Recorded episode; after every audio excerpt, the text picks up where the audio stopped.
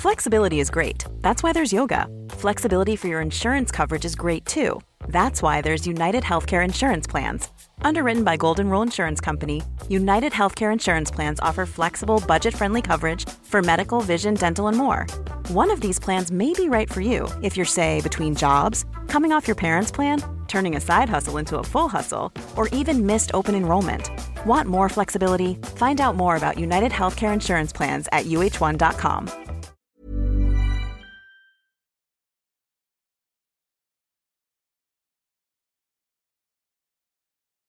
Hej och varmt välkommen till En stund på jorden som är en podcast där jag, sol karina möter och samtalar med människor som jag har mött. Människor jag tycker är intressanta och människor som lever ett liv nära sig själva. Du kommer att få möta olika filosofier, tankar och erfarenheter hos de unika medvandrarna som jag samtalar med. Så luta dig tillbaka ta en kopp te eller kaffe och tillåt dig att lyssna, reflektera av den visdom jag vet att mina gäster bär på. Varmt välkommen till podcasten En stund på jorden.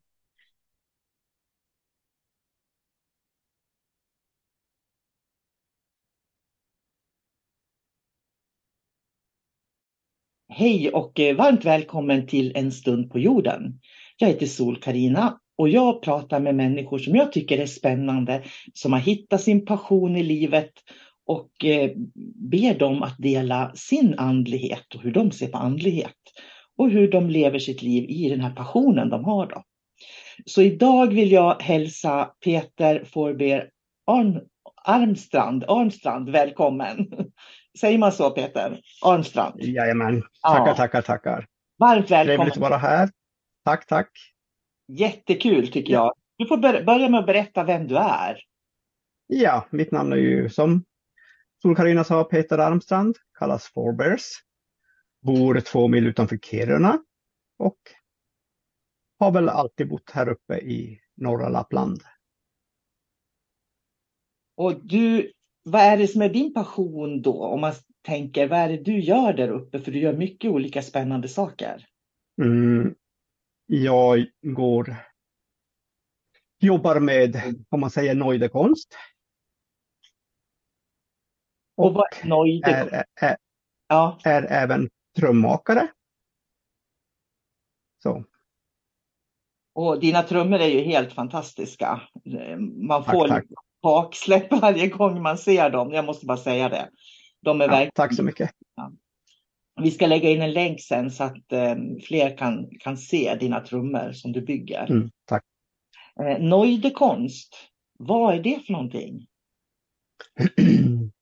Det är ju en, en shamanism som har vuxit upp här i Sápmi. Det är ju, Nojden är ju Sápmis motsvarighet till shamanen, medicinmannen, andemanen, vad man nu kallar sig runt om i världen. Så Och det, är ju... det är en typ av shamanism? Eh... Ja, det är ju en typ av, det är ju en shamanism. Ja.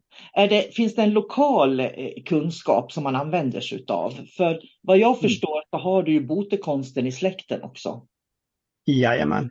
Eh, det är ju den del jag jobbar med det är ju den som jag har lärt mig av min mormor.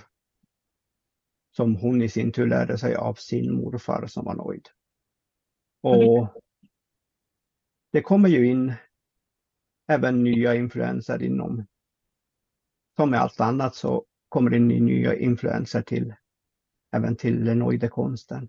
Man använder saker som finns runt om i världen. Men jag försöker ändå hålla mig till, om man tar som kristaller och sånt där, så försöker jag hålla mig mera till det vi har här uppe i norr. Och det kan ju bli mycket vanliga gråstenar som innehåller lika mycket kraft som en fin kristall. Och sen du... har vi ju en... Äh, Mm. Nej, förlåt? Nej det, det, när det, slä, det kan släpa lite ibland. Ibland Okej. släpar det lite. Det är därför som jag pratar i mun på dig. Det är inte meningen. Men det Ja. blir så ibland. Jag, jag tänkte, Ja. Det jag tänkte det var din mormor sa du. På vilket sätt utövade hon det? För det är ju en generation, ganska ja, många generationer bakåt egentligen. Men hon jobbade bland annat med healingen. Och sen hade hon ju massa andra krafter i sig som, om man säger min far, han var en lite stressad person så och jag kommer ihåg en gång vi var på väg och då sa, sa min far att nej nu måste vi åka. Men hon sa bara att nej men bilen kommer inte starta än. Jo, tänkte pappa, den. Så han gick ut och att bilen var stendöd. Så efter en timme så sa hon att nu kan ni åka. Och bilen startade som det inte hade hänt någonting. Mm. Så Hon kunde förutspå olika saker också. Jag, ja, jag tycker det var spännande när du säger healing för att det finns ju mycket olika typer av healing idag. mm, Och jag vet att du jobbar med reiki bland annat också, precis som jag Mm. gör. Och då tänker jag så här, hur jobbar man med healing på mormors tid? Hur skulle man definiera healing då? mm, det var ju typ att man ibland så tog man bara bort smärtan från om en person till exempel hade ont i knät så tog man bara och grepade tag i smärtan och tog bort den. Eller så hade man ju vanlig den här handpåläggningen. Jag, jag tycker det är spännande för att min, min gammelmorfar var ju också botare och min gammelmormor Ja. var väldigt duktig med örter i Norrbotten då. Mm. Eh, och när jag pratar med min mormor hur de gjorde så pratar hon väldigt mycket om det, hur de var väldigt bestämda i det de gjorde. Mm. Eh, Mm. De trodde verkligen på det de gjorde om man säger så. Och då tänker jag på din mormor som bara tog bort det sådär. Det är ju verkligen, jag, jag vet att jag kan ta bort det och så bara tar jag bort det, jag vet. Liksom. Mm. Men det är ju, de hade ju en stark tro på den här botekonsten. Och, och det Och- var ju bara, och en tillit, det, ja, en tillit Ja. till den. ja. Och sen ar- arbetade man ju tillsammans med naturen och alla dess väsen som fanns där. Mm. Vad är andlighet för dig då idag? Om du skulle titta på Eh, hur du har kombinerat då den gamla kunskapen med den nya du har tagit in. mm. För mig har det blivit mer en, om man säger det, det är ju en livsstil. Mm.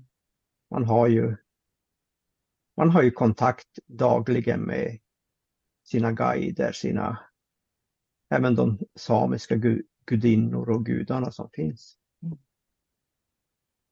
Har du Och de arbetar ju, Mm.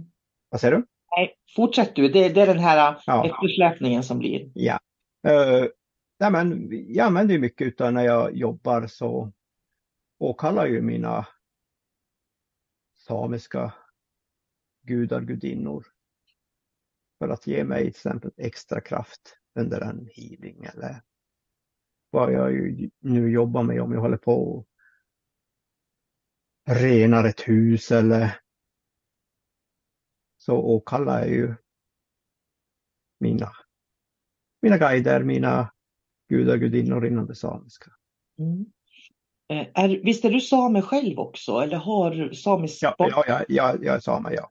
Är du 100 procent same? Så att du liksom, eller, för det är ju blandats väldigt mycket, den samiska kulturen och den västerländska, eller vad ska jag säga, den svenska kulturen. Så. ja. Jag har en, om man säger, jag har en svensk pappa. Men som även han har lite sameblod i sig. Så Mm. det, Jag tycker det är spännande det här med, upplever du själv att du har ärvt några gåvor från dina förfäder? mm, det har man väl. Det kan man inte förneka. Mm. det, det är ju de är ju med när man jobbar.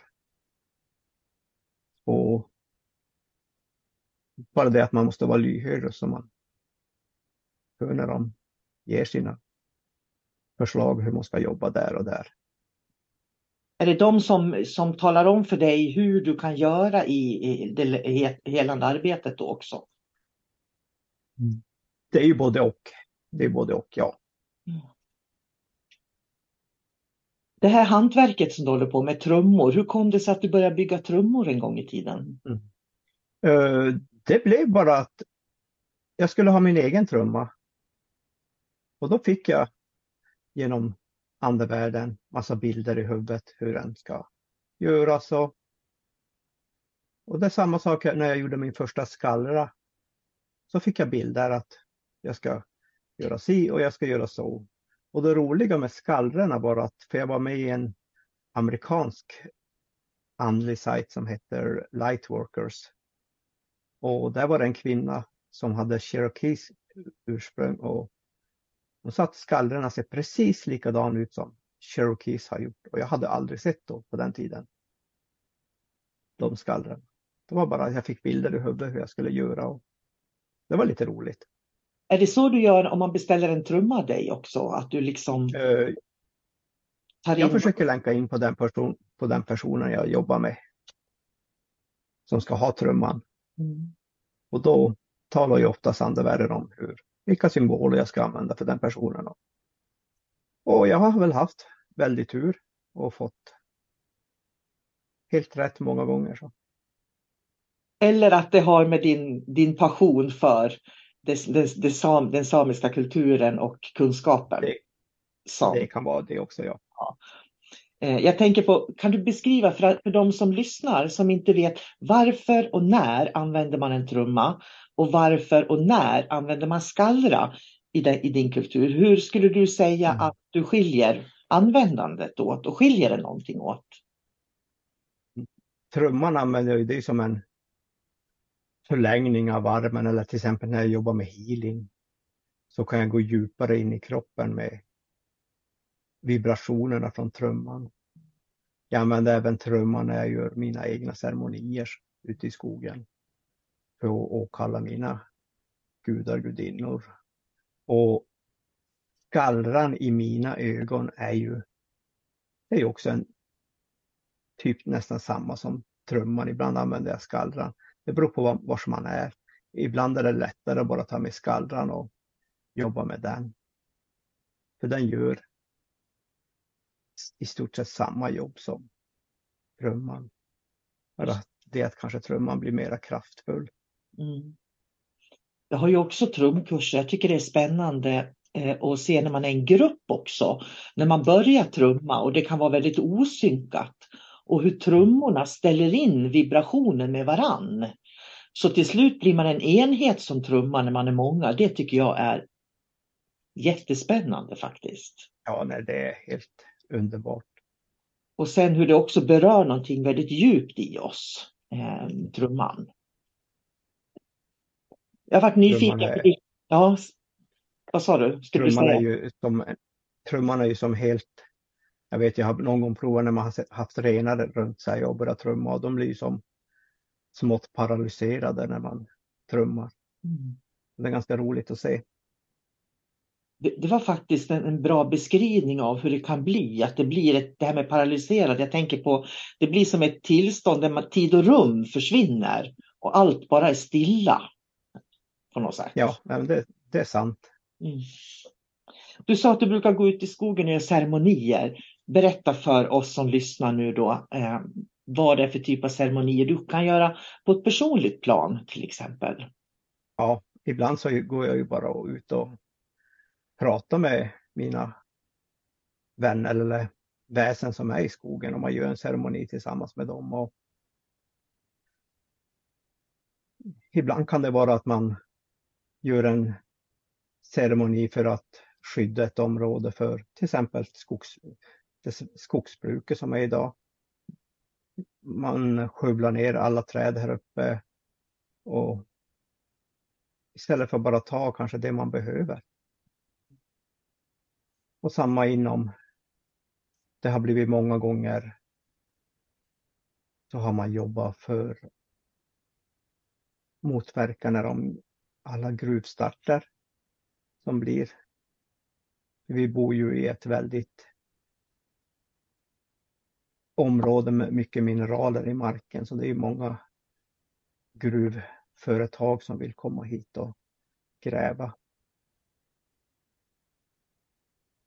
Hur ser ni på framtiden vad gäller just mineralerna? Det måste ju, jag tänker att det, som jag förstår är det ju en väldig kamp i norr om marken och mineralerna och, och sådär. Eh, jag, jag personligen tycker det är väldigt skrämmande med all denna. För de går ut med att men vi ska återställa när vi har tagit det vi ska ha. Men du kan aldrig återställa ett berg när man har mot, eh, pulveriserare från toppen ända ner till marknivå. Och för mig också, även om man tar det här med, det är ju på väg att starta upp många av de här litiumgruvor, koboltgruvor här uppe i norr. Och visst, elbilarna är kanske miljövänliga just när man kör med dem. Men i mina ögon just det här, man tänker aldrig på såren man gör i Moder Jord för att få material till de här elbilarna. Mm. Och risken just nu för många av de här gruvorna som är på väg att starta upp, de är ju alldeles nästan bredvid stora älvar. Och alla vet ju att både litium och kobolt är väldigt giftigt. Mm. Och kommer det ut i våra älvar som är här så kommer det slå ut det. Det kommer bli döda älvar. Mm. Och vattnet från älvarna rinner ju ner i Bottenviken. Mm. Och risken är ju stor att det blir samma sak där. Ja, man tänker ofta allt. Man tänker så kortsiktigt hela tiden. Ja, det är väldigt skrämmande. Ja, jag tänker det är lite som med kärnkraftverken som de ska bygga överallt också. Mm. Och så tar det hundratusen år att förvara avfallet. Liksom, har någon mm. människa någonsin funderat på hur länge hundratusen år är? Liksom? Uh, så det, det, är en intressant tid vi lever i på så sätt. Mm. Uh, det är verkligen i den här tiden där vi måste välja väg på något sätt. Uh, och väl, väljer vi fel väg så är det fara för, för mänskligheten och för jorden och, och allting. Så är det ju. Mm. Jag vet att du Peter har också internationellt samarbete. Ni samarbetar mycket över gränserna, visst är det så? Mm. Eh. Jag, jag, får in mycket grupper från Frankrike som är andligt arbetande. Mm. Som kommer hit upp i norr så det blir vi har mycket ceremonier, vi har workshops. Uh, om allting går bra kommer jag även få en grupp med amerikanska shamaner som kommer upp hit till norr nästa sommar. Och jag har väl lite, jag har även samarbete med personer i Sverige som vi ska ha workshop tillsammans. Det är spännande och mm. roligt. Jag... Sen har jag även mycket, mycket vad heter, samarbete med eh, mongolska shamaner. Så vi träffas då och då. Och det är ju en, också en väldigt spännande shamanistisk kultur. Ja, för det var det jag tänkte på närmast, för att många kallar sig shamaner i Sverige. Eh, men de kanske inte har den den riktiga schamanska ursprunget. Jag tycker det i alla fall.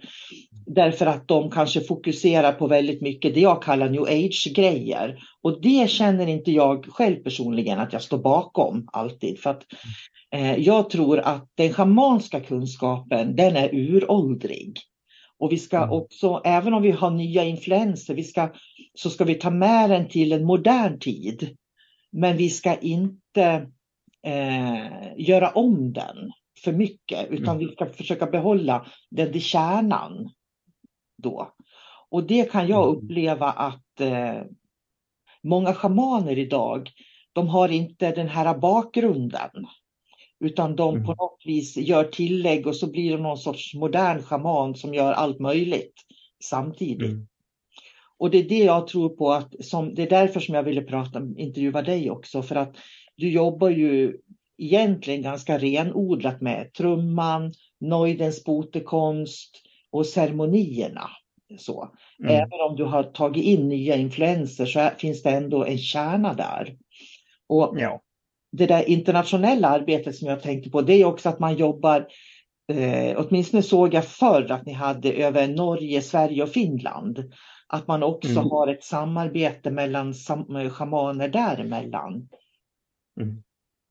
Det fanns ju förut, den har ju tyvärr lagts ner, en festival som hette Isogaisa som var som Ronald Kvernmo startade upp i Lavangen i Norge.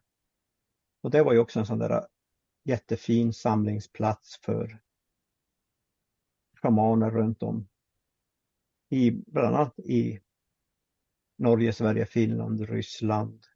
Men det kom ju även shamaner från Danmark, eh, Alaska, Amerika, Sydamerika. Så det var ju en stor blandning och det var ju en jättefin festival och man kunde utbyta lite kunskap och sånt. Och det är det jag tänker att det, det måste vara ganska intressant att för träffas man så många olika länder så blir det ju ändå att det finns någon sorts kärna i den schamanska, i det schamanska utövandet, tänker jag. Även om man har lagt till kulturella saker i det också. Mm. Jag brukar ha en workshop, workshops tillsammans med en peruansk paco eller shaman. Mm. Och vi har diskuterat mycket med det där och det är ganska roligt för kärnan inom det shamanistiska är ju väldigt snarlik den med våran samiska mm. shamanism och den peruanska. Want flexibility? Take yoga. Want flexibility with your health insurance? Check out United Healthcare Insurance Plans. Underwritten by Golden Rule Insurance Company, they offer flexible, budget friendly medical, dental, and vision coverage that may be right for you. More at uh1.com. Så det är ganska fantastiskt hur, när jag hur allting går. Ja, när jag började med, ja, jag avbryter, men det är, den här, det är de här eftersläpningarna. När jag började min eh, andliga bana, så att säga, började jobba som kroppsterapeut, så det var ju där jag upptäckte shamanismen själv eh, och upptäckte att för det jag kallar för dimensionell kunskap idag är väldigt mycket den schamanska kunskapen. Och jag kom i kontakt med Michael Harner då, som är riktigt sådär hardcore. Eh, och det mm. var otroligt intressant att läsa hans böcker för att jag tror att när man hittar den här kärnan, den schamanska kärnan, så tror jag att många människor, att det blir en igenkänning där. Därför att det är så mycket av oss människor i själva kärnan i shamanismen. Eh, och sen kan man lägga till alla nya moderna metoder som kommer och påhitt och sådär. Eh, jag har ju utbildat mig till Paco också i de andiska traditionerna och jag kan ju också se den likheten som finns.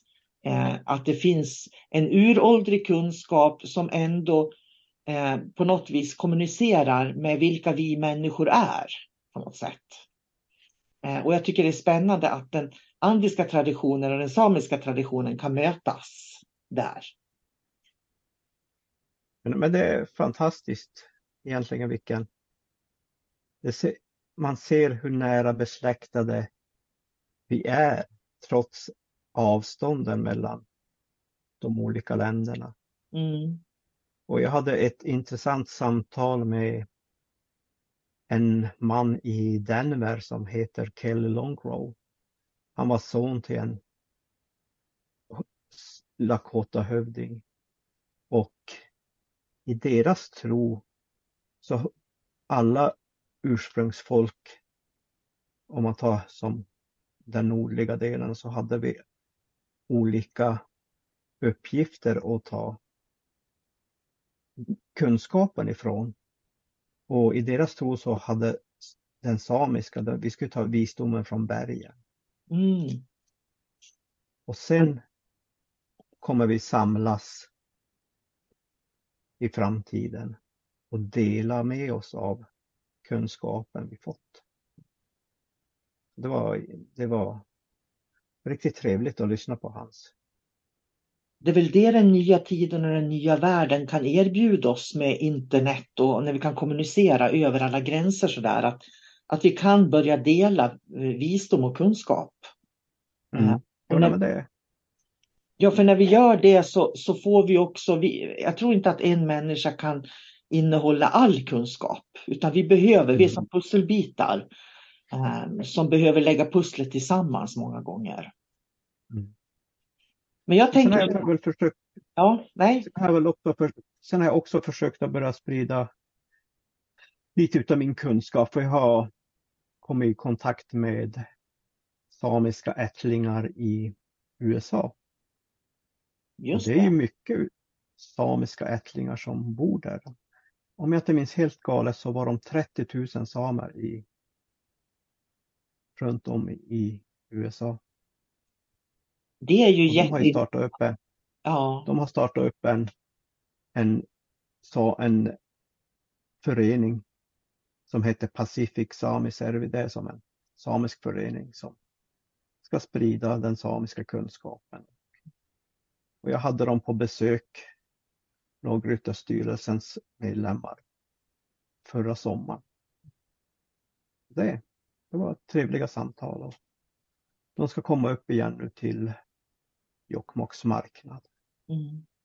Jag kan tänka mig det, för jag tänker att när man har utvandrat på det viset så har man ju oftast att man håller i sin kultur väldigt hårt. Så att har de utvandrat från Sverige för länge sedan Eh, så har de nog behållit väldigt mycket av den samiska kulturen och traditioner som kanske har försvunnit i Sverige. Ja men det stämmer. De har jobbat väldigt mycket för att behålla sin samiska identitet. De jobbar väldigt mycket även med att behålla samiska språket. För det, det, det, är så, det är så fantastiskt att se hur stort det är över USA.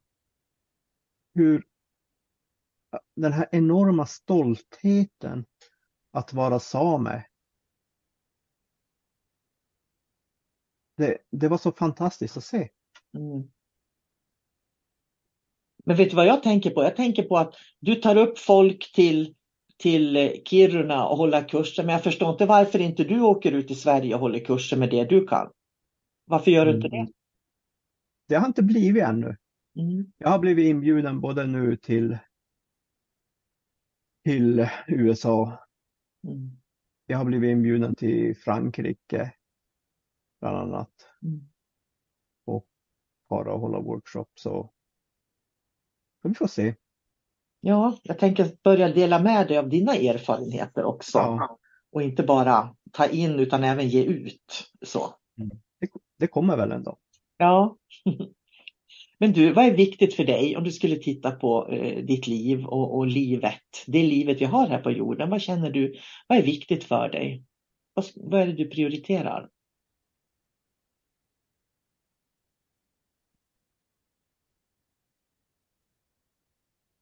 Jag försöker väl prioritera just att man ska må bra.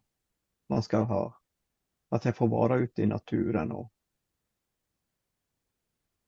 jag vill att mina vänner ska må bra. Och att man ska ha en bra kontakt med dem.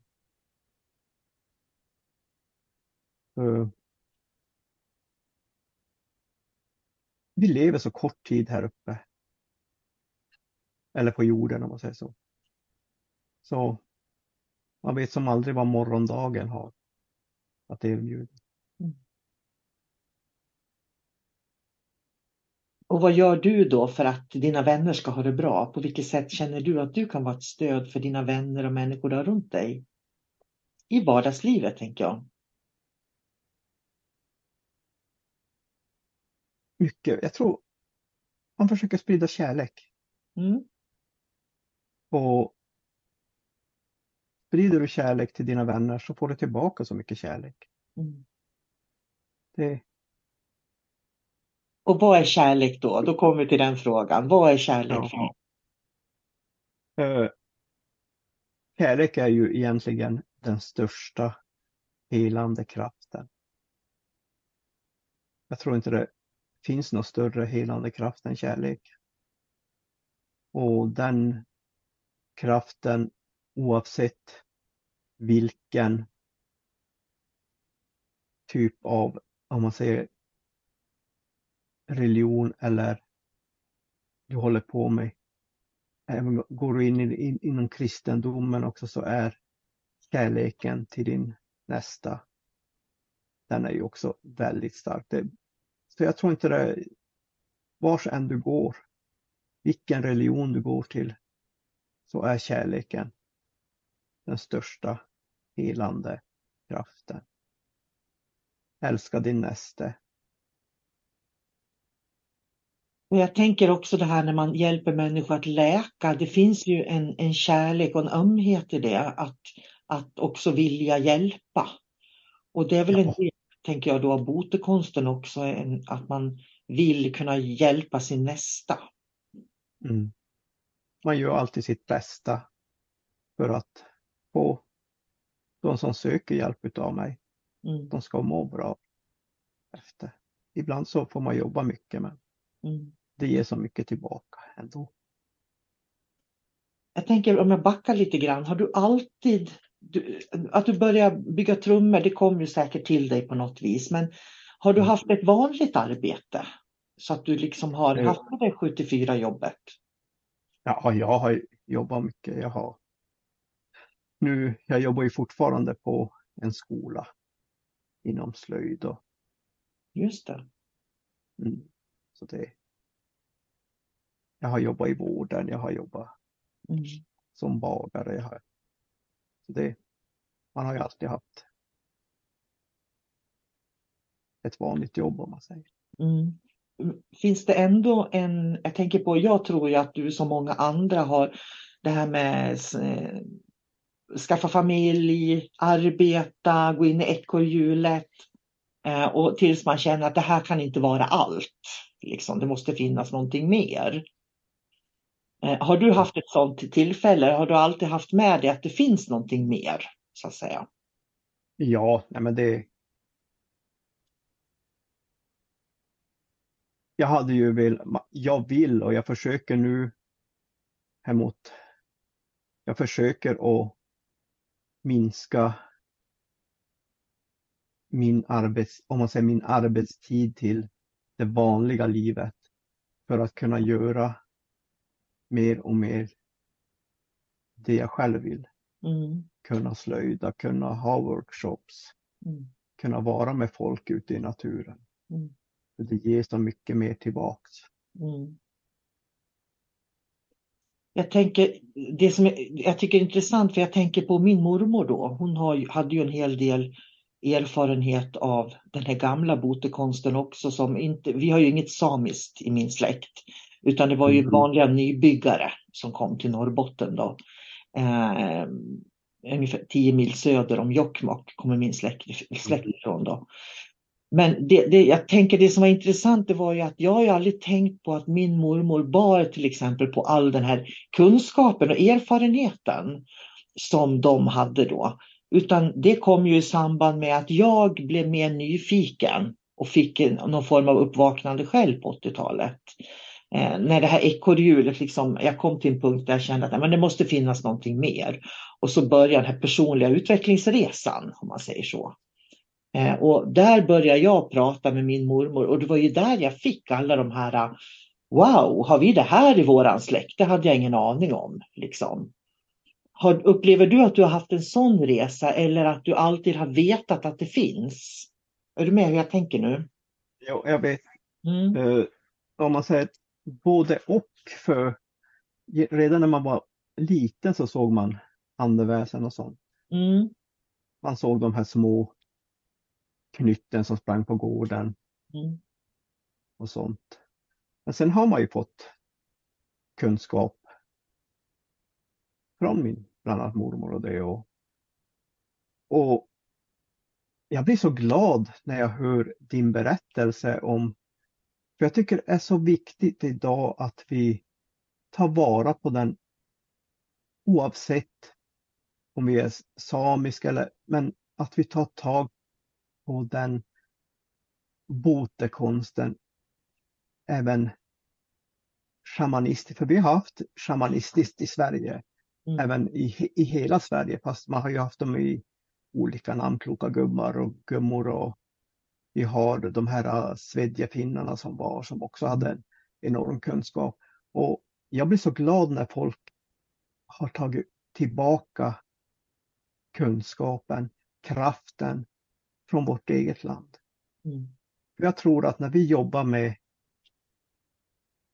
det som vi har i, om man säger inom Sverige, i Norden. Vi vibrerar på samma vibrationsnivå som den uråldriga kunskapen som har funnits här i Sverige. Och det är jätteviktigt att man tar tillvara på den.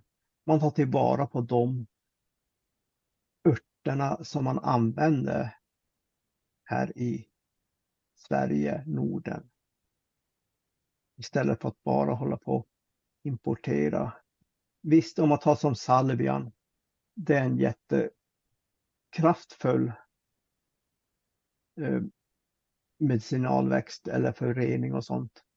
Men vi har ju vårat eget. Vi har bland annat en mm. som fungerar lika bra som salvian. Och det fina med enen är att den vibrerar på samma vibrationsnivå som oss. Mm. Så jag tycker, i mina ögon, så tycker jag det är det viktigaste, just att vi tar tillbaka mm. kraften från vårt eget land. Vi tar tillbaka kraften från alla örter som vi har här. Mm. Istället för att behöva hålla på att importera så mycket. Mm. Jag håller helt med dig och jag, jag, kan känna att har man inte pratat med gammelfolket som fortfarande lever, för min mormor är tyvärr död, idag har varit det ganska många år. Men det är idag så ångrar jag verkligen att jag inte intervjuade henne mer, pratade mer med henne.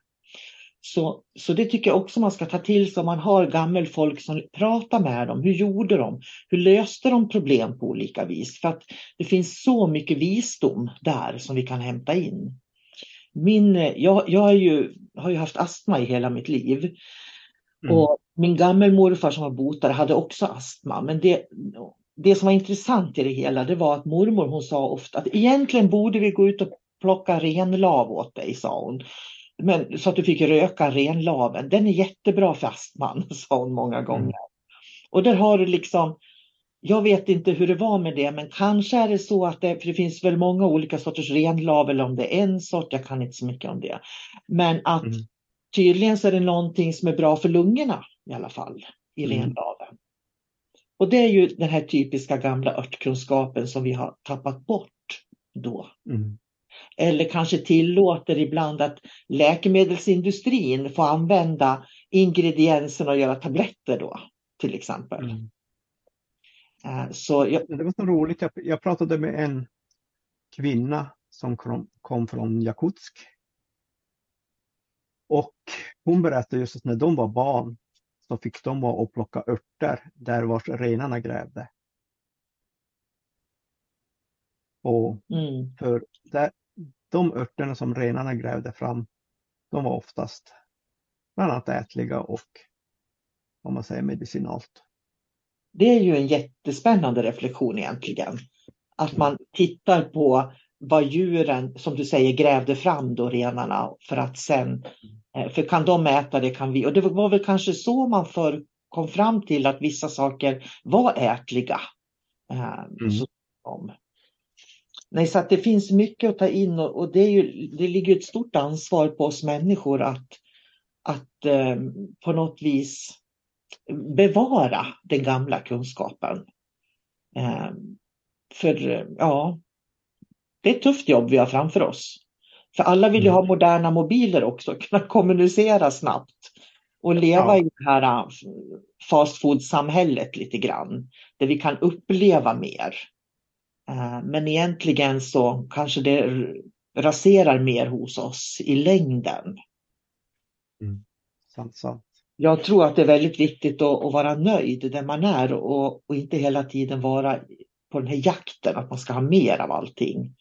Utan mm. verkligen att titta på, ibland brukar jag säga till människor, det är bättre att fokusera på vad du kan skala bort ur livet hela tiden istället för vad du behöver. Därför att ofta så samlar vi på så mycket som vi inte behöver. Om vi får, håller på att skala bort, då blir det ju hela tiden det här lättare, det enkla som blir kvar. Mm. Och inte alla komplicerade nymodigheter som man hela tiden ska anamma. Eh, för jag tycker också att människor lever alldeles för mycket utifrån och in istället för inifrån och ut. Mm. Det är kanske dags för många att börja istället för att det här köp och slängsamhället, vi kanske börjar försöka repa kläder. Mm. Blir det ett hål så repar man det istället för att slänga. Mm. det är, oftast tar det inte så lång tid att fixa någonting, bara man har viljan att göra det. Och det är nog inte många som kan, som kan eh, laga en socka med hål i idag. Eller som kan lappa ett par jeans som är trasiga. Det tror jag är få människor som kan faktiskt. Jag har ju en annan podcast med en kompis till mig som heter David, Kosmiska samtal. Och han är ju minimalist, så han lever ju minimalistiskt och det är väldigt fascinerande att se för han har verkligen bara det han behöver för att må bra i sitt enkla lilla liv. Eh, mm på, på landet om man säger så. Mm. Inga sociala medier heller eller någonting för han tycker att det tar distraktion från hans vardag. Liksom. Mm. Eh, och det, jag kan känna ibland att det är väldigt modigt eh, att våga sortera bort så mycket så och mm. ändå känna sig nöjd och inte att man hela tiden saknar någonting. Mm.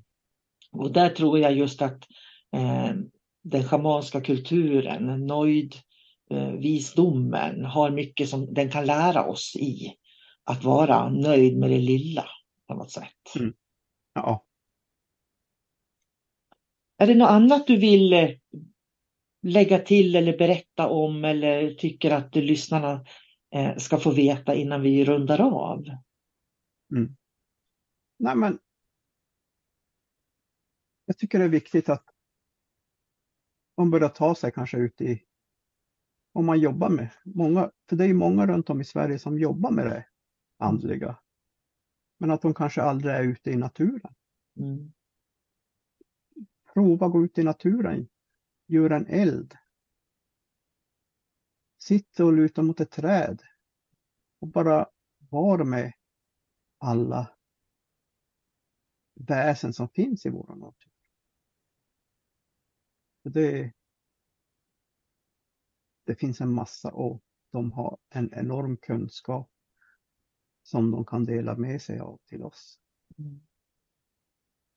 Det tycker jag var en bra avslutning för jag tror att det är så att många tar sig inte den tiden att gå ut i naturen, sitta på en sten bara mm. och bara uppleva, känna, uppleva med sinnena. Eh, och vara där, för det är då som man också kan uppleva upplever jag, att jag är en del av jorden. Och mm. där tror jag också att respekten för jorden vi går på väcks på ett annat sätt. Mm. Tack Peter för det här samtalet. Det var intressant att få prata lite med dig och lära känna dig lite mer. Ja, det var en ära att få vara med och prata med dig. Mm. Så säger vi hej då till de som lyssnar. Mm. Jajamän. Hej då! Hej då!